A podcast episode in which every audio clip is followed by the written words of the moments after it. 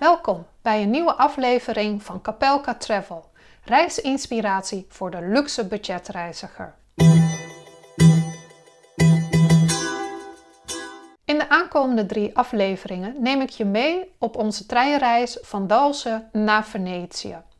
En elke aflevering zal ik stilstaan bij een van de tussenstops die we hebben gemaakt en bij onze uiteindelijke bestemming Venetië. Vandaag in deze eerste aflevering vertel ik meer over hoe onze treinreis is gegaan van Dalsen naar München. Want dat had wel één spannend moment uh, tijdens de treinreis. En ik vertel meer over wat we hebben gedaan en gezien in München natuurlijk.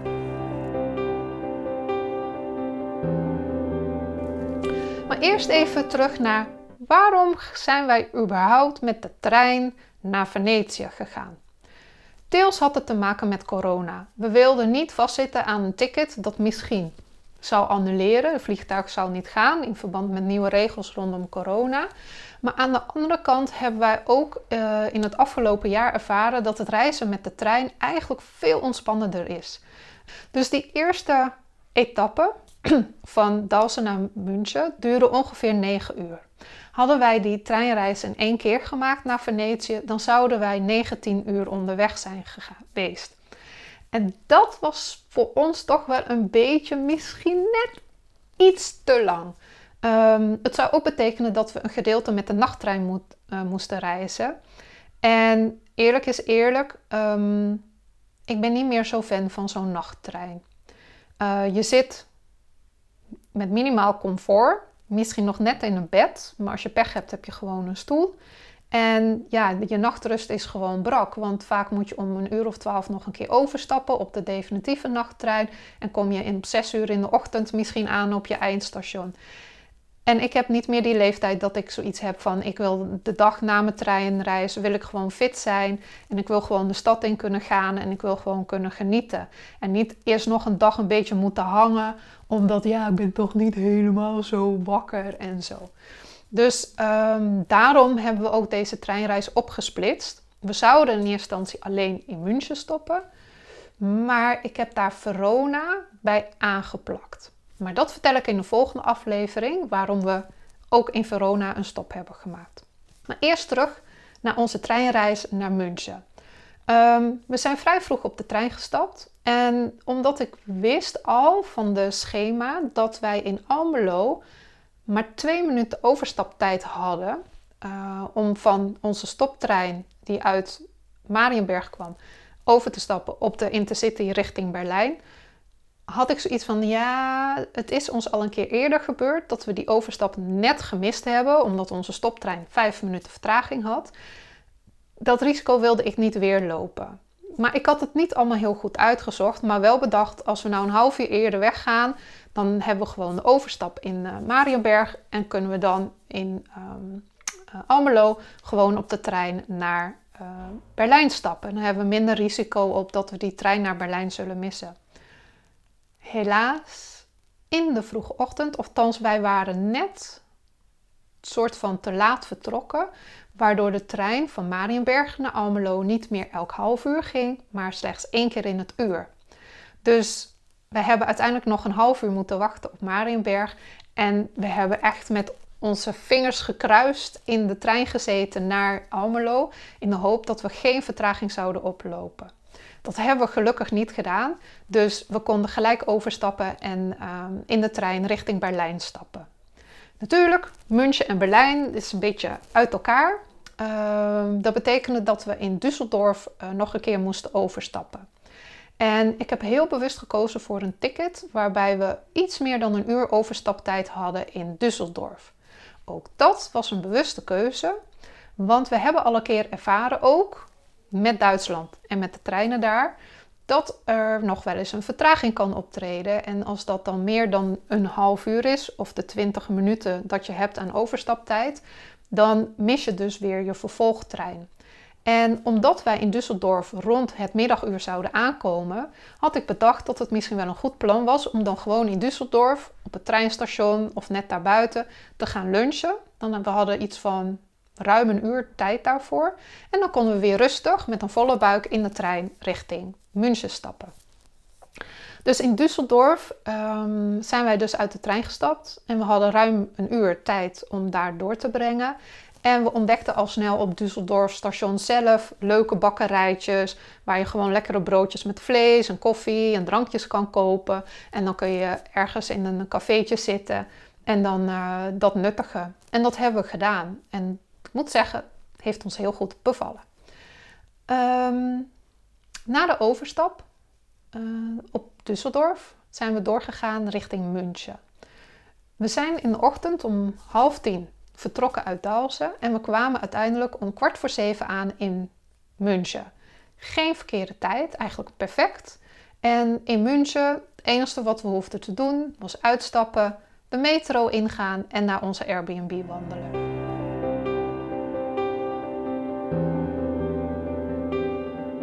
Ja, München. Ik had van tevoren niet zo'n heel helder idee over van wat moet ik van deze stad gaan vinden.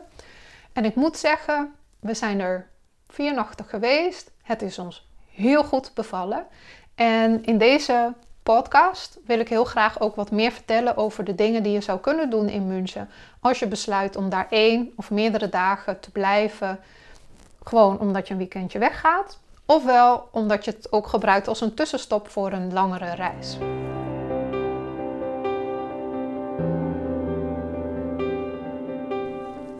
Eerste dag nadat we waren aangekomen in München, hebben we besloten om vooral te gaan wandelen. We hadden de dag ervoor 9 uur in de trein gezeten. Vond ik al lang genoeg. Dus ik wilde frisse lucht hebben, ik wilde wandelen, ik wilde de stad zien, uh, etc. Als luxe budgetreizigers um, heb ik van tevoren natuurlijk ook al een aantal restaurantjes uitgezocht waar we konden eten, die betaalbaar waren en lekker. En mijn man is een absolute fan van dim sum. Uh, dat zijn Chinese tapasgerechtjes. Um, en dus heb ik ook voor hem eigenlijk een uh, dim sum restaurantje gevonden. En ik zeg eigenlijk, want ik hou er zelf ook wel heel erg van. Dus we zijn uh, de eerste dag rustig gaan uitslapen, een beetje geluierd en gehangeld, gehangen. En daarna zijn wij um, naar Le Du Dim Sum en Bar gegaan. Um, dat restaurantje waar wij zijn gegaan uh, bevond zich vlak bij onze Airbnb en was onderweg naar het stadscentrum toe. En we hebben daar heerlijk gegeten. Het zag er best wel chic uit, dus ik was nog een beetje van, hmm, wordt het misschien toch wel prijzig. Maar zij serveren een middagmenu voor 12 euro, waarbij je dus drie tapasgerechtjes per persoon mag uitzoeken. En um, ja, de keuze is prima wat ze daar hebben. En wij hebben uh, ieder inderdaad drie gerechtjes uitgezocht. Daarna waren we eigenlijk al vol, maar omdat we toch nog een aantal gerechtjes wel erg lekker vonden, hebben we besloten om nog wat extra bij te bestellen. Dus ja, super betaalbaar. We hebben een thee erbij genomen en klaar waren we. Nadat we onze buik vol hadden, zijn we dus gaan wandelen. En München is eigenlijk best wel een overzichtelijke stad. Dus je hebt het traditionele centrum. Dat wordt grotendeels in beslag genomen door uh, de Mariaplatz. Vlakbij Mariaplatz ligt ook de Victualinmarkt. En dat is een hele leuke markt. Uh, wij kwamen daar als eerste aan. En ze verkopen daar regionale producten. Uh, je ziet daar kleine eetsteentjes, natuurlijk met de braadworsten. Maar je ziet ook regionale producten als honing en allerlei wijnen en worsten en van alles en nog wat. En het was heel leuk om daarover te wandelen. Op een van onze andere dagen in München zijn we ook op de markt uh, gaan eten bij de Münchner Soepenkuga. Uh, waar ze gewoon allerlei variaties aan soepen serveren. En uh, ook dat was super geslaagd. Via de Victualinmarkt zijn we dus de centrum van de stad ingegaan en kwamen al heel snel op Marienplatz uit. Eh, het centrale plein van München. Met daarop ehm, ook een, een groot soort stadhuis. Het Neues stadhuis, zoals ze dat noemen. Met een hele bijzondere klok met allemaal franjes en poppetjes en dingetjes eraan. Wij vonden het wel leuk, maar omdat ik wist dat veel van deze gebouwen in het hartje centrum van München zijn uh, ja, soort gereconstrueerd van na de Tweede Wereldoorlog, ja, voelt het voor mij dan nooit zo heel erg echt aan.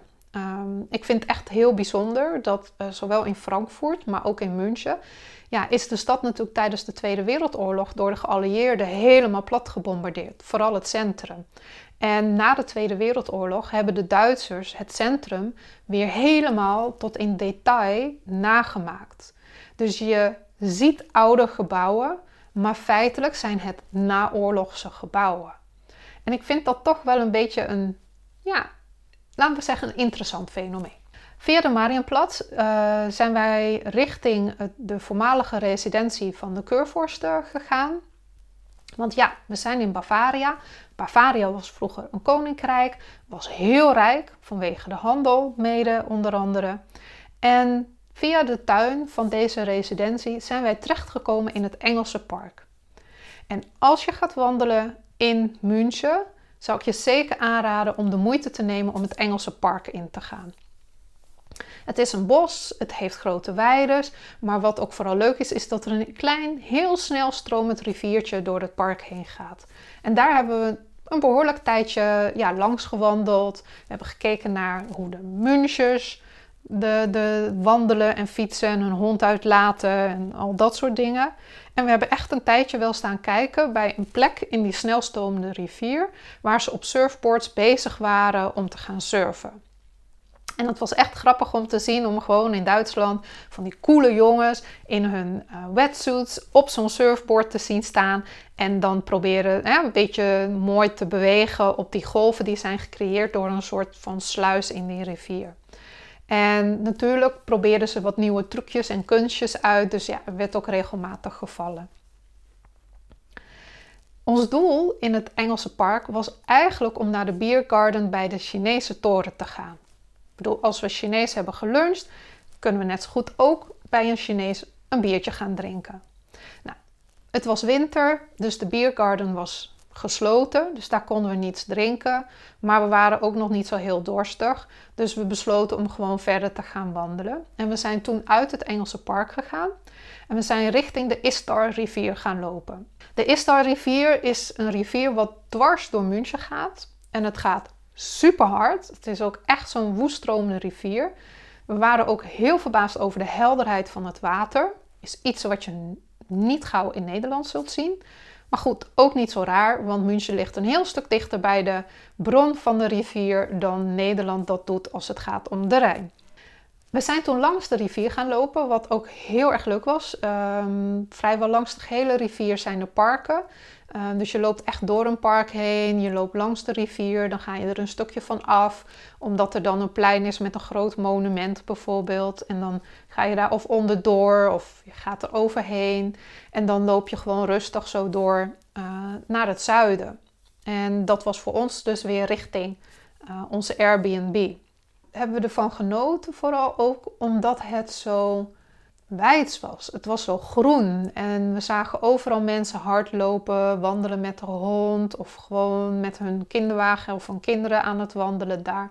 En het was heel ontspannen. En wij kregen ook echt het gevoel van ja, München mag dan wel een stad zijn van 1,6 miljoen mensen, maar het voelt niet aan als een hele drukke stad. En ook in het stadscentrum hadden we niet het gevoel dat de mensen nou overmatig gehaast waren.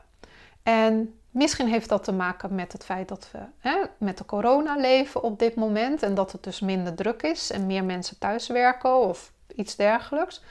Maar wij waren toch wel verrast over de hele ontspannen sfeer die we ervaarden tijdens onze wandeling door de stad.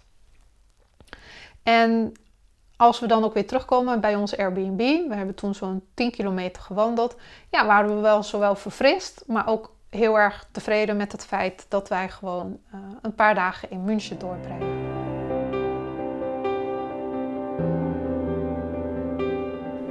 München, plat gebombardeerd tijdens de Tweede Wereldoorlog, maar was ook een plek waar Hitler eigenlijk als eerste echt machtig werd. Hij werd volgens mij in München ook als eerste gekozen. En uh, München is dan ook altijd een beetje een soort de thuisbasis geweest van Hitler. En dat wordt heel pijnlijk duidelijk als je naar Dachau gaat. Dachau, voormalig concentratiekamp Dachau, ligt een paar kilometer buiten München, maar is heel gemakkelijk te bereiken met de S-baan en daarna een bus.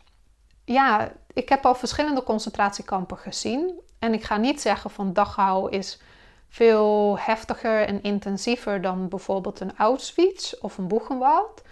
Maar het is wel in die zin indrukwekkend als je nagaat dat dit concentratiekamp al in 1933 is gestart. En dat daar in eerste instantie de politieke gevangenen werden opgenomen.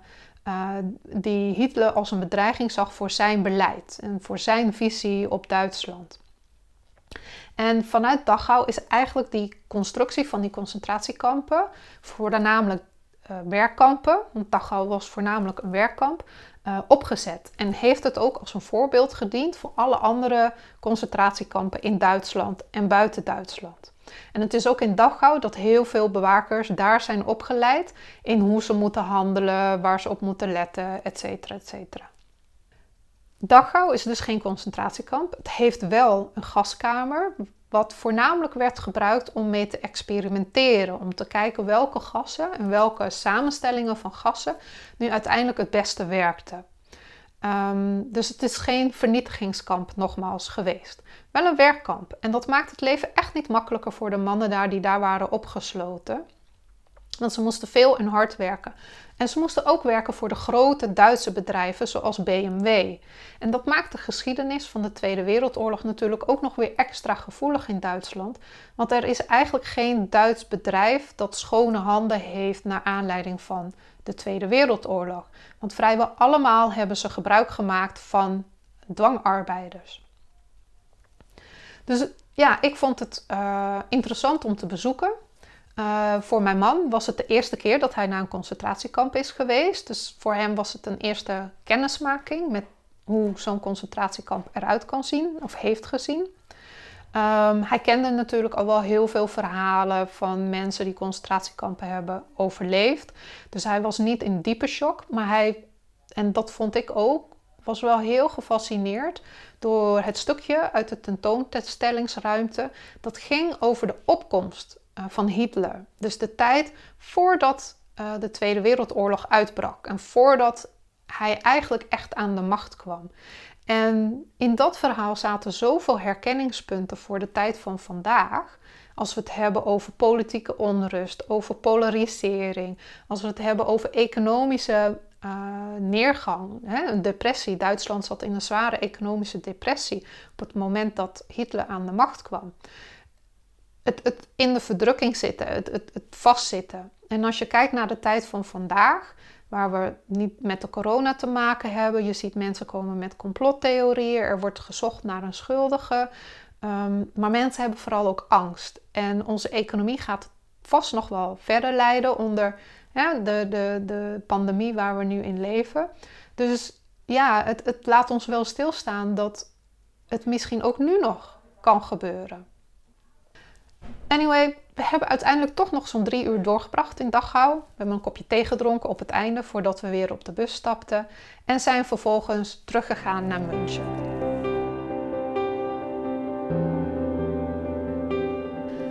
Elke keer als ik iets heftigs heb gezien, zoals een concentratiekamp in Dachau, heb ik ook behoefte om weer iets moois te zien.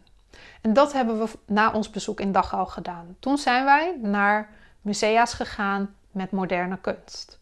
En mijn interesse ligt heel erg in de periode 1850, begin 20e eeuw, waarin het impressionisme plaatsvindt, maar ook een stukje realisme. Picasso's komen op, dus er gebeurt heel veel in die periode. Maar er zit ook nog een stukje romantiek in. En wij zijn dus in München, waar je echt een breed scala aan kunstmusea hebt, zijn wij in eerste instantie naar Pinakothek der Moderne gegaan. En hier zijn zowel werken van Duitse kunstenaars als internationale kunstenaars uit de 19e en de 20e eeuw te vinden. Het museum heeft een enorme variatie aan kunst. Of het nu gaat om design van de stoelen, of het nu gaat om uh, de abstracte kunst, als het gaat om de romantiek, als het gaat om moderne kunst, als het gaat om digitale installaties. Er is van alles en nog wat. En dat maakt dat het museum, anyway, altijd wel een paar ruimtes oplevert die je interessant vindt en waarbij je echt wel even wilt blijven hangen. We hebben er echt super van genoten en het was een mooie antidote, zogenaamd, hè, tegenover het, het daggauw. Voor een kleine meerprijs, ik geloof dat het ons maar 2 euro meer kostte, kun je ook een dagkaart kopen waarbij je toegang krijgt tot alle musea's uh, van, uh, die vallen onder de Pinacothek. Dus uh, dan kun je ook naar de oude meesters toe. Er is nog een meer contemporary art museum. En er zijn nog twee andere plekken waar je ook naartoe kan met allemaal moderne kunst. Dus als je even zin hebt om je op te laden met kunst, zou ik zeker zo'n dagkaart kopen.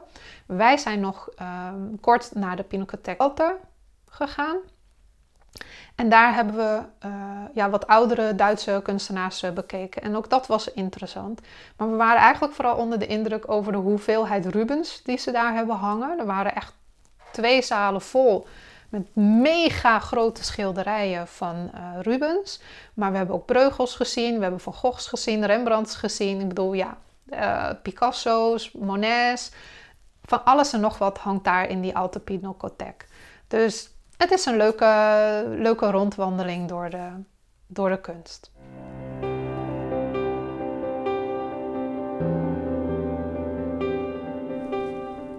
Ik kan het nooit laten Ehm, dat als ik ergens ben, wil ik graag ook iets meer leren over de lokale cultuur en de lokale geschiedenis. Dus mij zul je bijna altijd ook wel in een stadsmuseum vinden of in een soort nationaal museum om meer te leren over van ja, wat is nu de geschiedenis van deze regio? Wat is de geschiedenis van deze stad?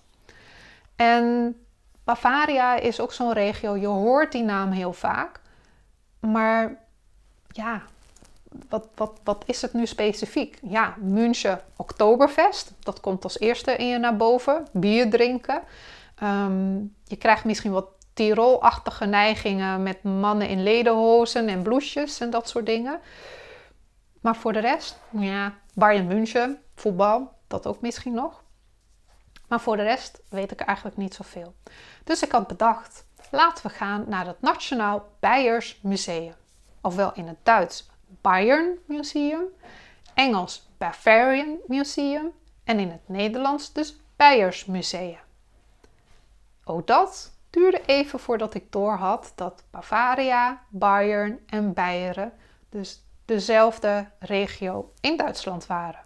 In het Nationaal Beiers Museum kregen we geen informatieborden over de geschiedenis van Bavaria als regio, geen informatiepanels over traditionele gebruiksvoorwerpen uit deze regio's. Nee, wat we kregen waren zalen met zalen met zalen vol spullen. Grotendeels vanuit uh, het koninkrijk, wat ze vroeger waren, van de koningen die er zijn geweest en die van alles en nog wat hebben verzameld. Maar ook vanuit de regio hebben ze uh, bijvoorbeeld uh, stuben naar het museum gehaald. Dus op een gegeven moment loop je door vier verschillende cafeetjes, chaletjes heen, zoals ze vroeger waren in de bergen.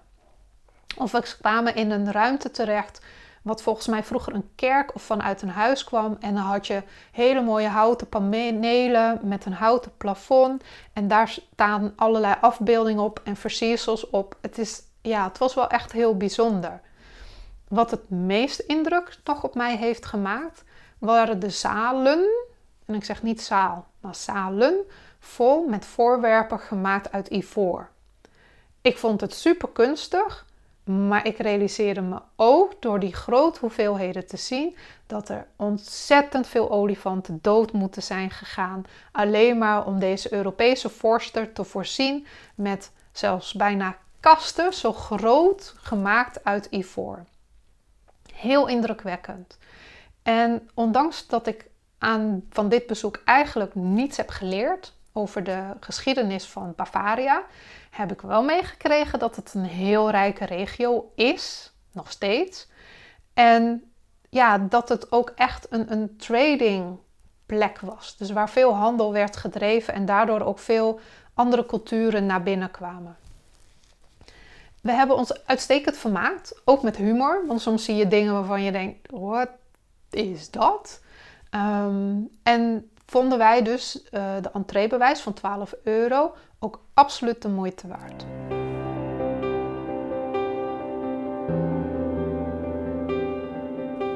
Eén ding wat ik graag had willen doen in München, maar wat we niet hebben kunnen doen vanwege de corona, is gaan zwemmen in een Jugendstil zwembad.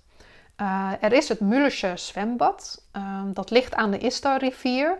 En dat is een zwembad wat volledig in Art Deco-stijl is ingericht. Dus met mooie tegeltjes, sierlijke letters en, helemaal design perfect. En ik had daar heel graag willen zwemmen en gebruik willen maken van de sauna's die ze daar hebben, ook uit die tijdsperiode. Maar vanwege uh, COVID-19 uh, waren de sauna's gesloten, de bubbelbaden gesloten.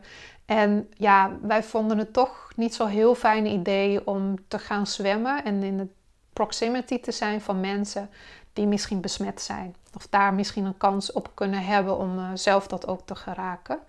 Dus we hebben uh, geen bezoek gebracht aan dit Jugendstil zwembad. Maar misschien doen we dat wel als we op de terugreis vanuit Italië weer terugreizen naar Nederland. Maken we nog weer een stopje in München om daar langs te gaan.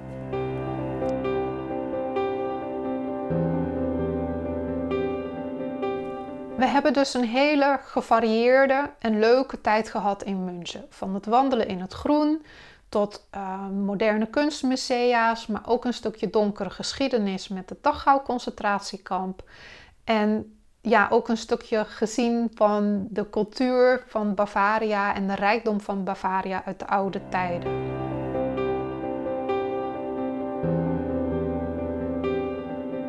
We hebben ook heerlijk gegeten in München. Ik noemde al dat we naar die dimsum uh, restaurant en bar zijn gegaan. Heerlijk. Niet traditioneel Chinees, wel vermengd met Indonesisch, Vietnamees, etc. etc. Maar heel lekker, keurige bediening. En dit restaurant heeft ook meerdere vestigingen door de stad. Dus mocht je ergens anders verblijven, heb je grote kans dat er bij jou in de buurt ook een vestiging is. We hebben gegeten bij de Münchner Suppenkeuken. Uh, lekkere soepjes. Vult niet helemaal. Maar goed, dan ga je gewoon naar een bakkerij toe en neem je daar nog een koffie en een lekker zoet broodje of een koek of een taartje. En uh, dan heb je zeker genoeg gehad.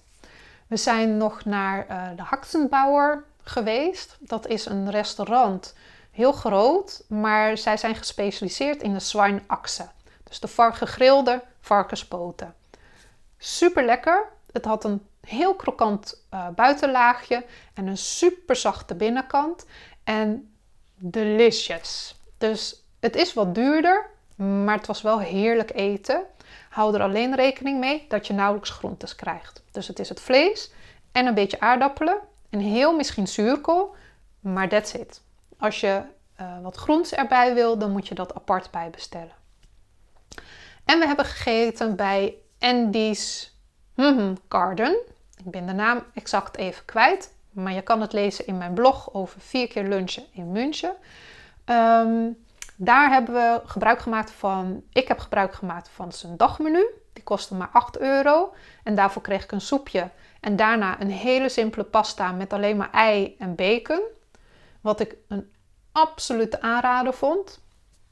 Uh, ik heb heerlijk daarvan gegeten. Milton heeft daar zijn eerste cordon bleu gegeten. En dat was ook een super goed gevulde cordon bleu. Met uh, de echte kaas, die hoort bij een cordon bleu met uh, uitjes, spekjes, van alles en nog wat erin.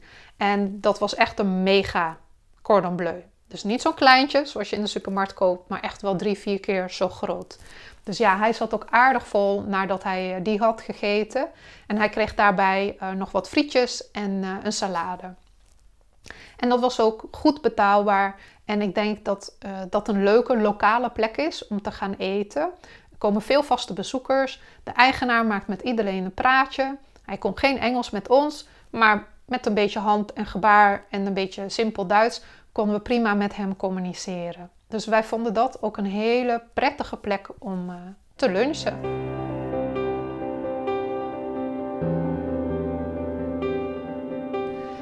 En na al deze ervaringen waren we klaar in München en ready om onze tweede reis tweede etappe te gaan eh, doen van München naar Verona.